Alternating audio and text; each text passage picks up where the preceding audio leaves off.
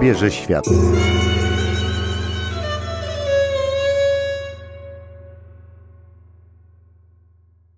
Bardzo serdecznie witam na naszym kolejnym spotkaniu. Ja nazywam się Anna Janczyk i dzisiaj przepytywać będę mojego gościa Magdę Waligurę. Ostatnio Magda miała taką przyjemność, żeby zadawać pytania mi na temat mojego pobytu na Erasmusie w Portugalii, a ja dzisiaj chcę dowiedzieć się, jak żyło się Tobie, Magdo, w we Włoszech, bo wiem, że spędziłaś tam troszkę czasu właśnie jako Erasmus na, na, na studiowaniu, na wymianie młodzieżowej czy też studenckiej właśnie w tym kraju. Więc proszę powiedz nam, czy w Twoim przypadku wyjazd do, do Włoch było to jakieś zrządzenie losu, czy było to Twoje marzenie, które po prostu postanowiłaś spełnić w ramach wyjazdu na studia? E, więc e, trzeba chyba zacząć od tego, że ja już e, dużo wcześniej chciałam wyjechać do Włoch. Pamiętam, że byłam w gimnazjum, chociaż nie, to była szósta klasa szkoły podstawowej, pierwszy raz pojechałam do Włoch. No i byłam zachwycona. Byłam zachwycona tą kulturą, słońcem, otwartością Włochów. W ogóle język bardzo mi się podobał, więc było to gdzieś takie moje marzenie. Choć przyznam, że kiedy była już możliwość wyjazdu, no byłam na uczelni, na której e, była umowa partnerska e, z kilkoma miejscami we Włoszech.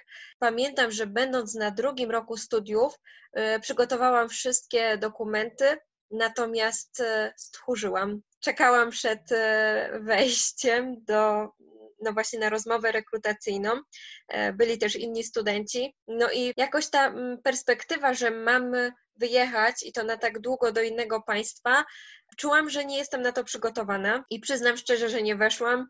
Rekrutacja się zakończyła, no i no i można powiedzieć, że przepadło. Natomiast rok później, będąc na trzecim roku studiów, nie wiem właściwie, co się stało, ale byłam pierwsza na tej rozmowie rekrutacyjnej i nie miałam żadnych wątpliwości. To znaczy, e, rozmowa rekrutacyjna naprawdę poszła bardzo fajnie. Już e, no, mój język włoski był znacznie lepszy niż rok wcześniej. No i jakoś tak, tak się wydarzyło, że, że nie było wątpliwości, natomiast bardzo fajna historia była z miejscem, ponieważ e, Uniwersytet Śląski miał kilka miejsc, z którymi miał umowy partnerskie. E, no i miałam takie wątpliwości, czy jechać na północ, czy może na południe. Na początku to tak w ogóle myślałam, że raczej może Rzym, bo tam mi jakoś było najbliżej, e, no ale z Rzymem nie było tej umowy partnerskiej.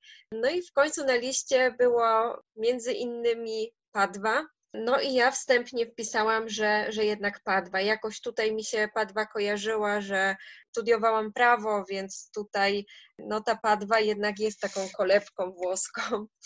E, no, ale tak się wydarzyło, że dzień wcześniej stwierdziłam, że chyba jednak te południowe Włochy będą dla mnie. Właściwie chyba sugerowałam się pogodą.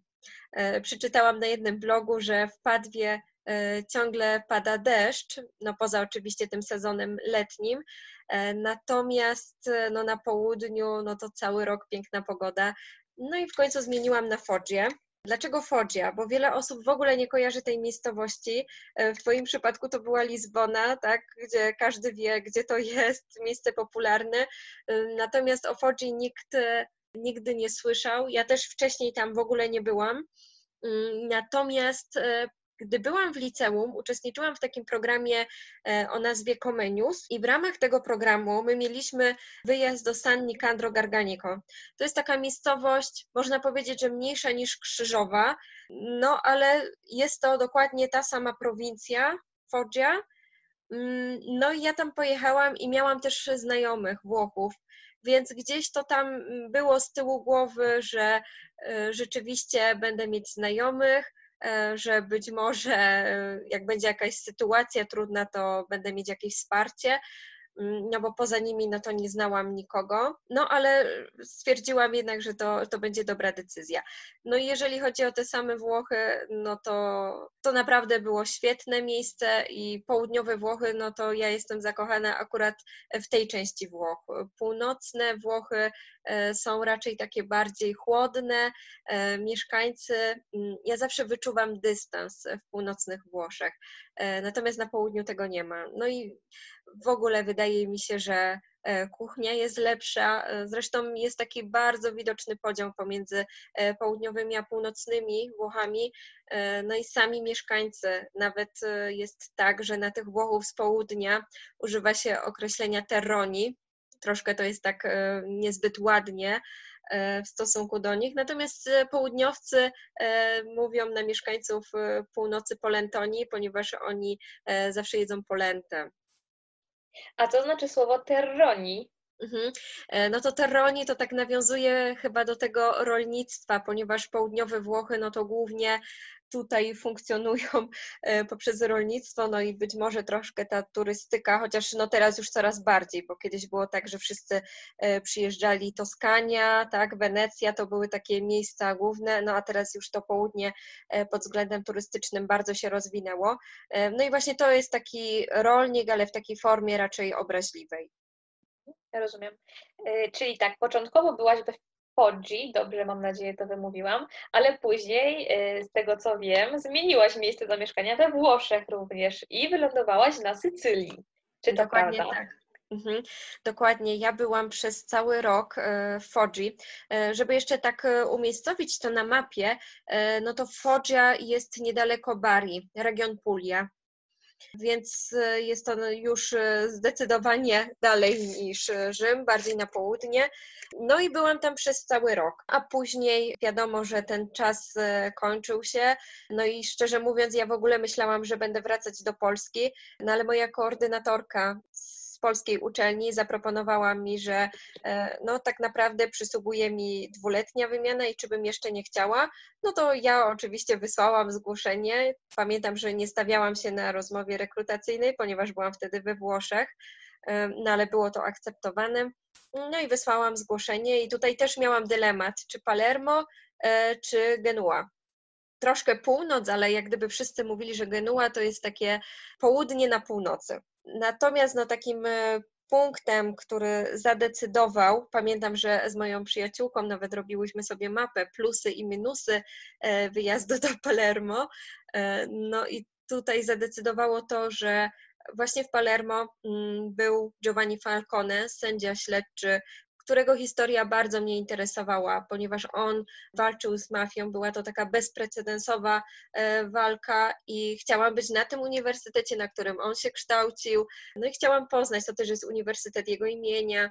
Mm, I jak gdyby mm, Palermo wydawało mi się, że jest takim naprawdę fajnym miejscem, żeby głębić e, właśnie to, jak wygląda mafia we Włoszech. Mnie to gdzieś tam zawsze interesowało, natomiast wiedzę czerpałam jedynie z filmów i z książek. Mam e, nadzieję, że jednak żadnej mafii podczas swojego pobytu we Włoszech nie musiałaś spotykać i nie miałaś okazji e, spotykać. Mhm. Znaczy się, ja tam pojechałam też troszkę z takim założeniem, że chciałabym e, jednak zobaczyć, jak to funkcjonuje, więc ja tam poznałam taką organizację pozarządową Adio Pizzo, e, no i rzeczywiście pracowaliśmy nad e, wieloma sprawami. Natomiast e, tam największy problem był taki, że mieszkańcy i przedsiębiorstwa różne, zwłaszcza przedsiębiorstwa, musiały płacić haracz. Więc jak gdyby działania tej organizacji pozarządowej e, były skierowane na to, żeby zapewnić ochronę mm, różnym przedsiębiorcom, więc e, pod tym względem e, no, było to dla mnie taki korzystny czas, bo też troszkę z praktycznego punktu widzenia mogłam zauważyć, jak to wszystko funkcjonowało. Tutaj, no oprócz tego aspektu, no to jeszcze miałam już takie założenie, że moja praca magisterska będzie na pewno o Włoszech i właśnie bardzo chciałam zrobić ten e, system prawny e, porównawczy, czyli to, jak wygląda we Włoszech e, i to, jak kształtuje się system prawny we Włoszech, więc w ten sposób no, chciałam jak gdyby poznać to też od takiego praktycznego punktu widzenia. Czyli chcesz nam powiedzieć, e, tak między wierszami, że mafia we Włoszech jest i ma się dobrze, czy jednak jakieś już postępy e, i, i próby jej ukrócenia, jej działania mają miejsce? E, no niestety mafia we Włoszech funkcjonuje cały czas i niestety chyba ma się dobrze. Trudno jest mi zrobić takie porównanie, natomiast e, chciałoby się powiedzieć, że jest lepiej, aczkolwiek e, są pewne wydarzenia, które świadczą o tym, że niestety wcale to tak nie wygląda. Sędzia śledczy, o którym wcześniej e, wspominałam, Giovanni Falcone, on zawsze podkreślał o istnieniu tak zwanego trzeciego poziomu mafii. Trzeci poziom mafii no to jest właśnie ta grupa polityków, która wszystko gdzieś tam steruje, dalej to funkcjonuje i sytuacja nie jest najlepsza, o czym świadczy między innymi most, który łączy Sycylię z Włochami. On do tej pory nie został ukończony, no i właśnie tam wchodzą w grę takie sytuacje, że, że jednak nie, nie byłoby to korzystne dla mafii. Dlatego mostu dalej nie ma, wracamy do Fodzi i też y, może schodzimy już z takich y, trudnych tematów, jakim jest mafia włoska. E, ja oczywiście bardzo zainteresowana jestem y, kwestią kultury, ale też kuchni włoskiej, ponieważ wiadomo, że kuchnia włoska jest jedną z ulubionych kuchni świata i też Polaków, e, więc opowiedz nam troszkę, czy było coś, co na przykład Włosi we Foggi uwielbiają i jedzą najczęściej jak można, co dla Ciebie jako Polki i dla nas prawdopodobnie też byłoby problematycznym posiłkiem, który zostałby zaserwowany przez e, lokalnych, e, lokalnych kucharzy. Myślę, że spędzimy dzisiaj sporo czasu, żeby mówić o włoskiej kuchni. Z tego względu, że dla mnie Foggia e, to w ogóle jest e, taka chyba kolebka tego włoskiego jedzenia. Z tego względu wszyscy uważają, że Wenecja, że do Rzymu, natomiast moim takim ulubionym miejscem jest Foggia. Dlaczego? Po pierwsze jest tam pizzeria La Fazina, której przyrządza pizzę wicemistrz świata e, właśnie w robieniu pizzy. Dla mnie ta pizza jest naprawdę fantastyczna, jest zupełnie inna, e, nawet od miejsc, które są we Włoszech. E, więc La Fazina według mnie jest to punkt obowiązkowy w Foggi, której no co prawda nie ma za dużo rzeczy, zabytków, żeby zwiedzić, natomiast jedzenie jest fantastyczne.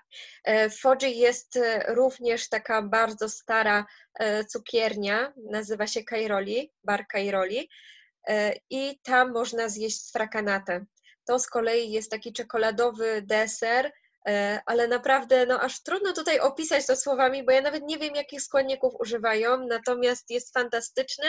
No, jest czekoladowy, e, po środku jest biała czekolada z takimi kruszonymi ciasteczkami.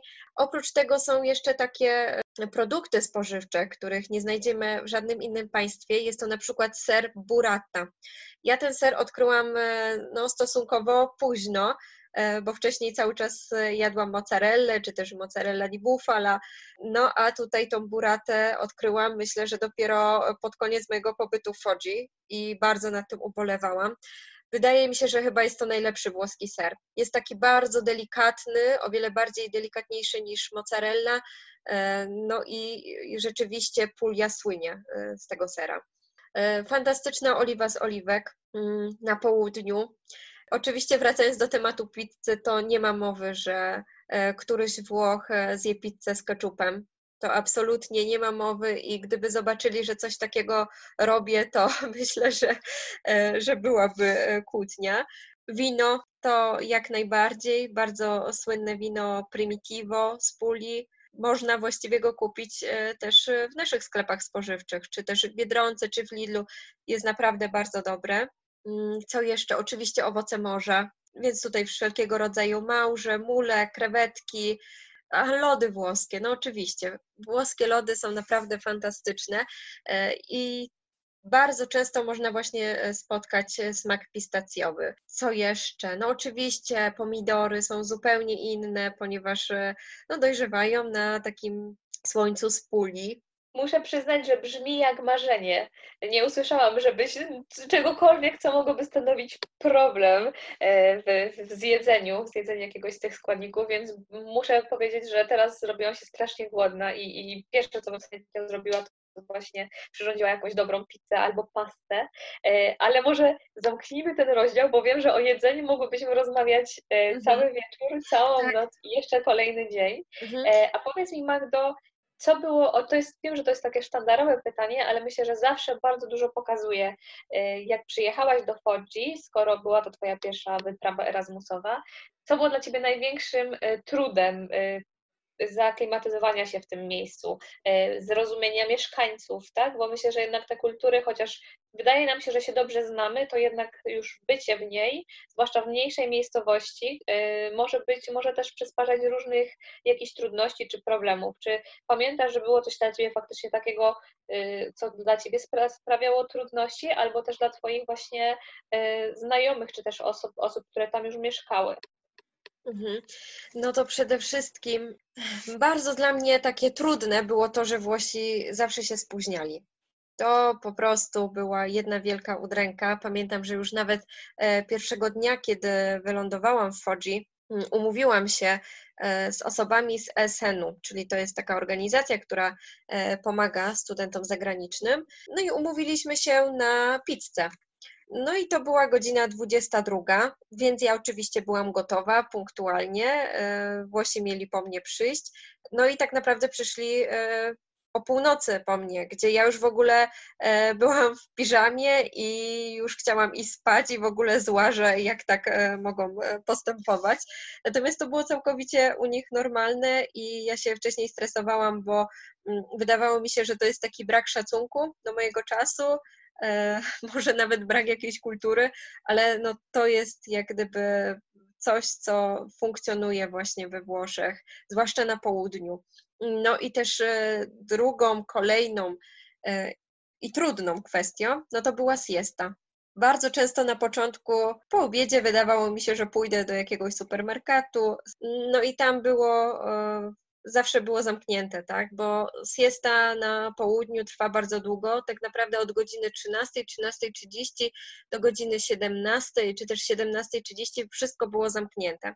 Na północy ta siesta trwa znacznie krócej, natomiast na południu tak naprawdę wszystko było zamknięte, ulice były puste, no i nie dało się nic załatwić w tej porze, więc wszystkie jakieś takie ważne kwestie trzeba załatwiać do południa i też od godziny dziewiątej, nie wcześniej. Natomiast e, fajną taką informacją jest to, że jeżeli chciało się pójść do jakiegoś sklepu, przykładowo z ubraniami, no to te sklepy z kolei były bardzo długoczynne, nawet do godziny 21, 22, więc to, e, to było bardzo cenne. Natomiast sklepy e, spożywcze e, funkcjonowały właśnie w ten sposób, że przykładowo od godziny 8 rano do tej 13.30, no i potem od 17.30 do godziny 20 maksymalnie. Więc tutaj ten rozkład dnia zdecydowanie różnił się od tego, co było w Polsce. No i jeszcze bardzo męczyło mnie to, że właśnie e, wychodziło się tak bardzo późno. Więc no, wychodziłam przykładowo o godzinie 22, 23 z mieszkania, wracałam późno, no i następnego dnia rzeczywiście byłam zmęczona i potrzebowałam dużo czasu, żeby się e, właśnie tak zaklimatyzować. Rozumiem. Y, ja mam takie pytanie, bo mam wrażenie, że u nas w naszym wyobrażeniu Włochów wszyscy Włosi są bardzo otwarci, bardzo tacy przyjaźnie nastawieni, uśmiechnięci zawsze, chętnie nawiązujący kontakty, ale też spotkałam się z opiniami i też sama odniosłam takie wrażenie, będąc we Włoszech, że to jest taka pierwsza jakby pierwszy kontakt tylko, a po nim, w przeciwieństwie, gdzie w Polsce właśnie ten pierwszy kontakt myślę jest utrudniony, ale jak już się go nawiąże, później Polacy są bardzo tacy faktycznie otwarci i chętni do pomocy. We Włoszech jest raczej tak, że pierwszy kontakt jest bardzo sympatyczny, miły i przyjazny, a później jest taki dosyć mocny dystans, więc nie wiem, czy ja mam dobrą, jakby dobre odczucie, czy mogłabyś to jakoś albo zanegować, albo potwierdzić, jak to jest w przypadku Włochów. No, rzeczywiście chyba jest coś takiego, chociaż ja tak e, do końca chyba tego nie doświadczyłam, tak mi się wydaje. Ten pierwszy kontakt rzeczywiście jest taki bardzo, Włosi mają entuzjazm, że poznają kogoś, zwłaszcza z innego państwa. E, bardzo często miałam takie sytuacje, na przykład e, w piekarni, że pytali się mnie skąd jestem i mówiłam, że z Polski, no to od razu było Giovanni Paulo II, czyli Jan Paweł II. I pamiętam, że to nawet dostałam kiedyś chleb w piekarni za darmo i właśnie tylko ze względu na to, że jestem z Polski. I to były takie bardzo fajne momenty. Jednak e, Pamiętam, jak wspominałaś, e, że w Portugalii jest tak, że, e, że kobiety były bardziej takie zdystansowane i wydaje mi się, że również było tak we Włoszech. To znaczy, ja miałam tylko kilka właśnie takich bliskich znajomych Włoszek, i jak gdyby przez cały rok to był kontakt tylko z nimi, a Włoszki raczej, nie wiem czy to może wynikało z tego, że bały się, że będzie rozmowa na przykład w języku angielskim, że nie znam języka włoskiego, ponieważ e, na południu Włoch no to sytuacja wygląda w ten sposób, że e, większość osób również w młodym wieku nie mówi w języku angielskim. Więc wydaje mi się, że to mogło wynikać z tego. Rozumiem, a nawiązując do Włochów i, i mężczyzn włoskich, co, jak, powiedz nam, jak to wygląda z tym włoskim temperamentem? Czy faktycznie są to tacy e, mężczyźni, którzy obsypują kobiety komplementami na ulicach i zaczepiają i zagadują? Czy faktycznie są to nasze jakieś takie mocno mocno wbite stereotypy gdzieś ze starych filmów, z jakichś seriali. Jak to wygląda faktycznie tam na miejscu? Znaczy się, Włosi chyba bardzo różnią się od, e, od Polaków. Na pewno są tacy bardziej romantyczni, to zdecydowanie. Więc e, Włosi bardzo też szybko nawiązują kontakty, natomiast e, no rzeczywiście mam wrażenie, że jest takie, taka ogromna egzaltacja z ich strony, tak? Zawsze używają tutaj takich doniosłych słów, tacy są naprawdę. Mm, natomiast jeżeli chodzi o taką kulturę, no to na południu dalej to funkcjonuje tak, jak to wygląda E, jak to właśnie słyszymy w różnych stereotypach, e, to znaczy e, Włoszki gotują, starsze panie, a panowie zazwyczaj starsi grają w karty i oczekują na obiad. I to było w niedzielę to był standardowy scenariusz, to znaczy na ulicy byli tylko i wyłącznie starsi panowie, no a wszystkie Włoszki gotowały. Gdzieś ten stereotyp rzeczywiście funkcjonuje. Na północy już tak e, absolutnie nie jest, natomiast na południu mam wrażenie, że e, czas się zatrzymał i wszystko funkcjonuje tak jak 20-30 lat temu. Rozumiem. Czyli tam taka la grande mamma, która opiekuje się całą rodziną, dalej funkcjonuje taki styl bycia, bycia kobiety i mężczyzny, bo to myślę, że się mocno łączy. E, wracając w takim razie może do samego studiowania, bo jednak Erasmus to mocno kwestia wyjazd mocno związany ze studiowaniem. Powiedz nam też troszkę właśnie, jak to wygląda na uczelni. Czy sama, sama uczelnia, czy system nauczania tam mocno różni się od polskiego? Zakładam, że jednak zajęcia u Ciebie na uczelni były w języku włoskim, ale właśnie też jak wyglądały egzaminy, jak wyglądały grupy, w których się uczyliście, tak żeby nasi e, słuchacze, którzy może będą chcieli wyjechać na Erasmusa do Podzi, e, mogli wiedzieć, czego się spodziewać. Mhm. E, więc opowiem najpierw z perspektywy Foggi, a później z perspektywy Palermo. Foggi przede wszystkim wyglądało to tak, znaczy w ogóle w całych Włoszech e, system nauczania na uczelni wyższej wygląda w ten sposób, że nie ma ćwiczeń. W Polsce, no wiadomo, są laboratoria, są ćwiczenia, natomiast we Włoszech są tylko i wyłącznie wykłady. W przypadku Foggi były to wykłady mm, wyłącznie w języku włoskim, jeżeli chodzi o egzaminy, no to można było starać się u danego profesora, żeby wyraził zgodę, żeby to było w języku angielskim, no ale przyznam szczerze, że e, czasami były takie sytuacje, że e, moi wykładowcy nie znali języka angielskiego i na przykład proponowali mi albo włoski, albo niemiecki, gdzie ja na przykład zupełnie niemieckiego nie znam, więc e, wybór był oczywisty. No i tutaj pod tym względem była taka bardzo zasadnicza różnica. No i egzaminy w formie ustnej zawsze w formie ustnej, nie było innej opcji. Trzeba oczywiście było zdobyć odpowiednią ilość punktów ECTS, no i warto sobie wcześniej z koordynatorem ustalić to, jakie przedmioty będą przepisane. No i też jeżeli zdarzają się jakieś problematyczne sytuacje, no to zawsze warto zgłaszać to koordynatorowi, żeby później nie było jakiejś sytuacji, jakichś niedomówień. E, więc wydaje mi się, że zawsze studenci powinni być w jakimś e, kontakcie e, i z biurem Erasmusa, i ze swoim koordynatorem. A taka ciekawostka też myślę ważna dla osób, które wybierają się na studia właśnie w ten region. Jak wygląda kwestia finansowa? Bo myślę, że to zawsze jest tak jak w przypadku pytania Twojego o Lizbonę. Jak wyglądało to właśnie we Foggi? Czy, czy to stypendium, które otrzymuje się jest wystarczające? Jak, jak, jakie w ogóle są ceny? Czy są porównywane do polskich, czy są całkowicie inne? Jak to tam wygląda? E, więc tak jak wcześniej wspomniałam, na południu Włoch jest znacznie taniej niż na północy. I tutaj, jeżeli chodzi o Fodzie, no to ja jestem w stanie przytoczyć e, ceny, to znaczy e, za pokój w mieszkaniu, gdzie było właśnie pięć e, pokoi, płaciłam kwotę 200 euro plus opłaty, plus media, więc tak to wyglądało. W przypadku Palermo to również była taka sama cena. No i w sklepach spożywczych wiadomo, że było drożej, no bo jednak we Włoszech jest waluta euro i jest to, rzeczywiście jest troszkę ta różnica, chociaż nie tak bardzo. To znaczy, można było y, znaleźć niektóre produkty, które były tańsze niż w Polsce. No oczywiście e, makaron, był znacznie tańszy, ale też e, jakieś sosy pomidorowe, więc były takie produkty, które były tańsze. Tak, tak, pasta. E, no i natomiast no, jeżeli chodzi na przykład restauracje, no to było drożej. Też we Włoszech trzeba pamiętać, że płaci się napiwek obowiązkowy, więc to jest też ważna informacja, bo czasami e, niektórzy sprawdzają tylko menu i widzą, że, że dane danie ma taką cenę, no a potem są zdziwieni, że, że jest doliczony napiwek i to z reguły jest e, albo euro 50, albo 2 euro od osoby i to jest zawsze doliczane do rachunku, jest to obowiązkowe. Można też e, wziąć sobie coś na wynos, na, przykład jeżeli chodzi o kawę, no to często Włosi, gdzieś to może zauważymy jadąc właśnie do innego państwa, że oni stoją przy barze i piją kawę. I oni w tej sytuacji właśnie nie płacą żadnego napiwku. Natomiast jeżeli zabierzemy sobie cappuccino do stolika, no to już e, bardzo możliwe, że, że ten napiwek zostanie doliczony.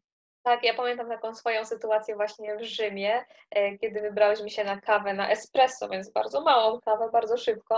I faktycznie cena przy barze było to mniej więcej chyba euro, bądź nawet poniżej euro, ale doczytałyśmy małym druczkiem, że cena tej samej kawy przy stoliku to było 3 euro 50 eurocentów, więc mieć taki duży rozstrzał to na pewno naprawdę było dla nas dużym zaskoczeniem i dużym szokiem, więc bardzo cieszyłyśmy się, że nie usiadłyśmy przy stoliku e, z tą, z tą małą kawą na dwie minuty. Mhm, to są e, słynne historie w Wenecji, kiedy turyści zapłacili bardzo wysokie rachunki i tak właściwie nic takiego nie zamówili, więc myślę, że to wynika właśnie z cen e, tego napiwku. Tak, myślę, że warto właśnie zawsze doczytać bądź dowiedzieć się, albo mieć to właśnie w głowie, że, że jednak we Włoszech to jest kulturowo przyjęte i bardziej starać się doliczyć ten napiwek i być miło zaskoczonym, niż nie doliczyć i później się, e, się denerwować. Droga Magdo, serdecznie Ci dziękuję. Ja myślę, że dzisiaj, na dzisiejszej audycji już wyczerpałyśmy y, temat Foggi. Zostało nam oczywiście jeszcze Palermo i cudowna Sycylia, ale też domyślam się, że o tamtym regionie można powiedzieć bardzo dużo i na pewno jest też całkowicie inny, albo ma wiele różnic, które go odróżniają od Hodzi, więc ja proponuję, żebyśmy na ten temat porozmawiali następnym razem, żeby też nasi słuchacze mogli e, wejść do Palermo ze świeżą głową. Serdecznie dziękuję. No i ja też w e, imieniu, mam nadzieję, że mi uda się kiedyś zobaczyć ten region Włoch, e, no i że nasi słuchacze, przynajmniej część z nich, zdecyduje się na studiowanie właśnie w takiej małej miejscowości włoskiej, niekoniecznie w tej chociaż, jednej. chociaż podkreślę, że Foggia wcale nie jest taka mała, bo to można porównać, no myślę, że do Bielska. E, natomiast no właśnie e, to jest charakterystyczne, że e, no, że tam nie ma za bardzo jakichś miejsc do zwiedzania. Historycznie ona jest bardzo ważna, natomiast i też warto podkreślić, że jest przepiękna okolica. To znaczy bardzo blisko jest Bari, które jest cudowne, jest Polignano Mare, gdzie urodził się Domenico Modugno, jest Matera, która według mnie jest chyba najpiękniejszym miejscem we Włoszech e, i tam Mel Gibson e, kręcił Pasję, czyli nie w Jerozolimie, tylko właśnie w Materze we Włoszech.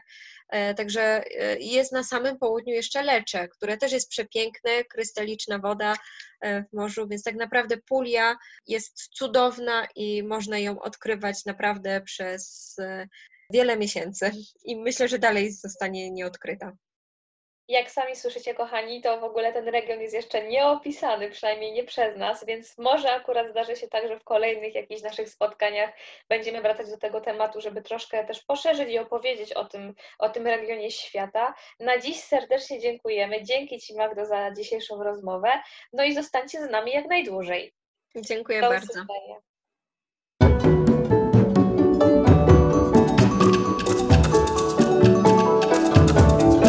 Obierze świat.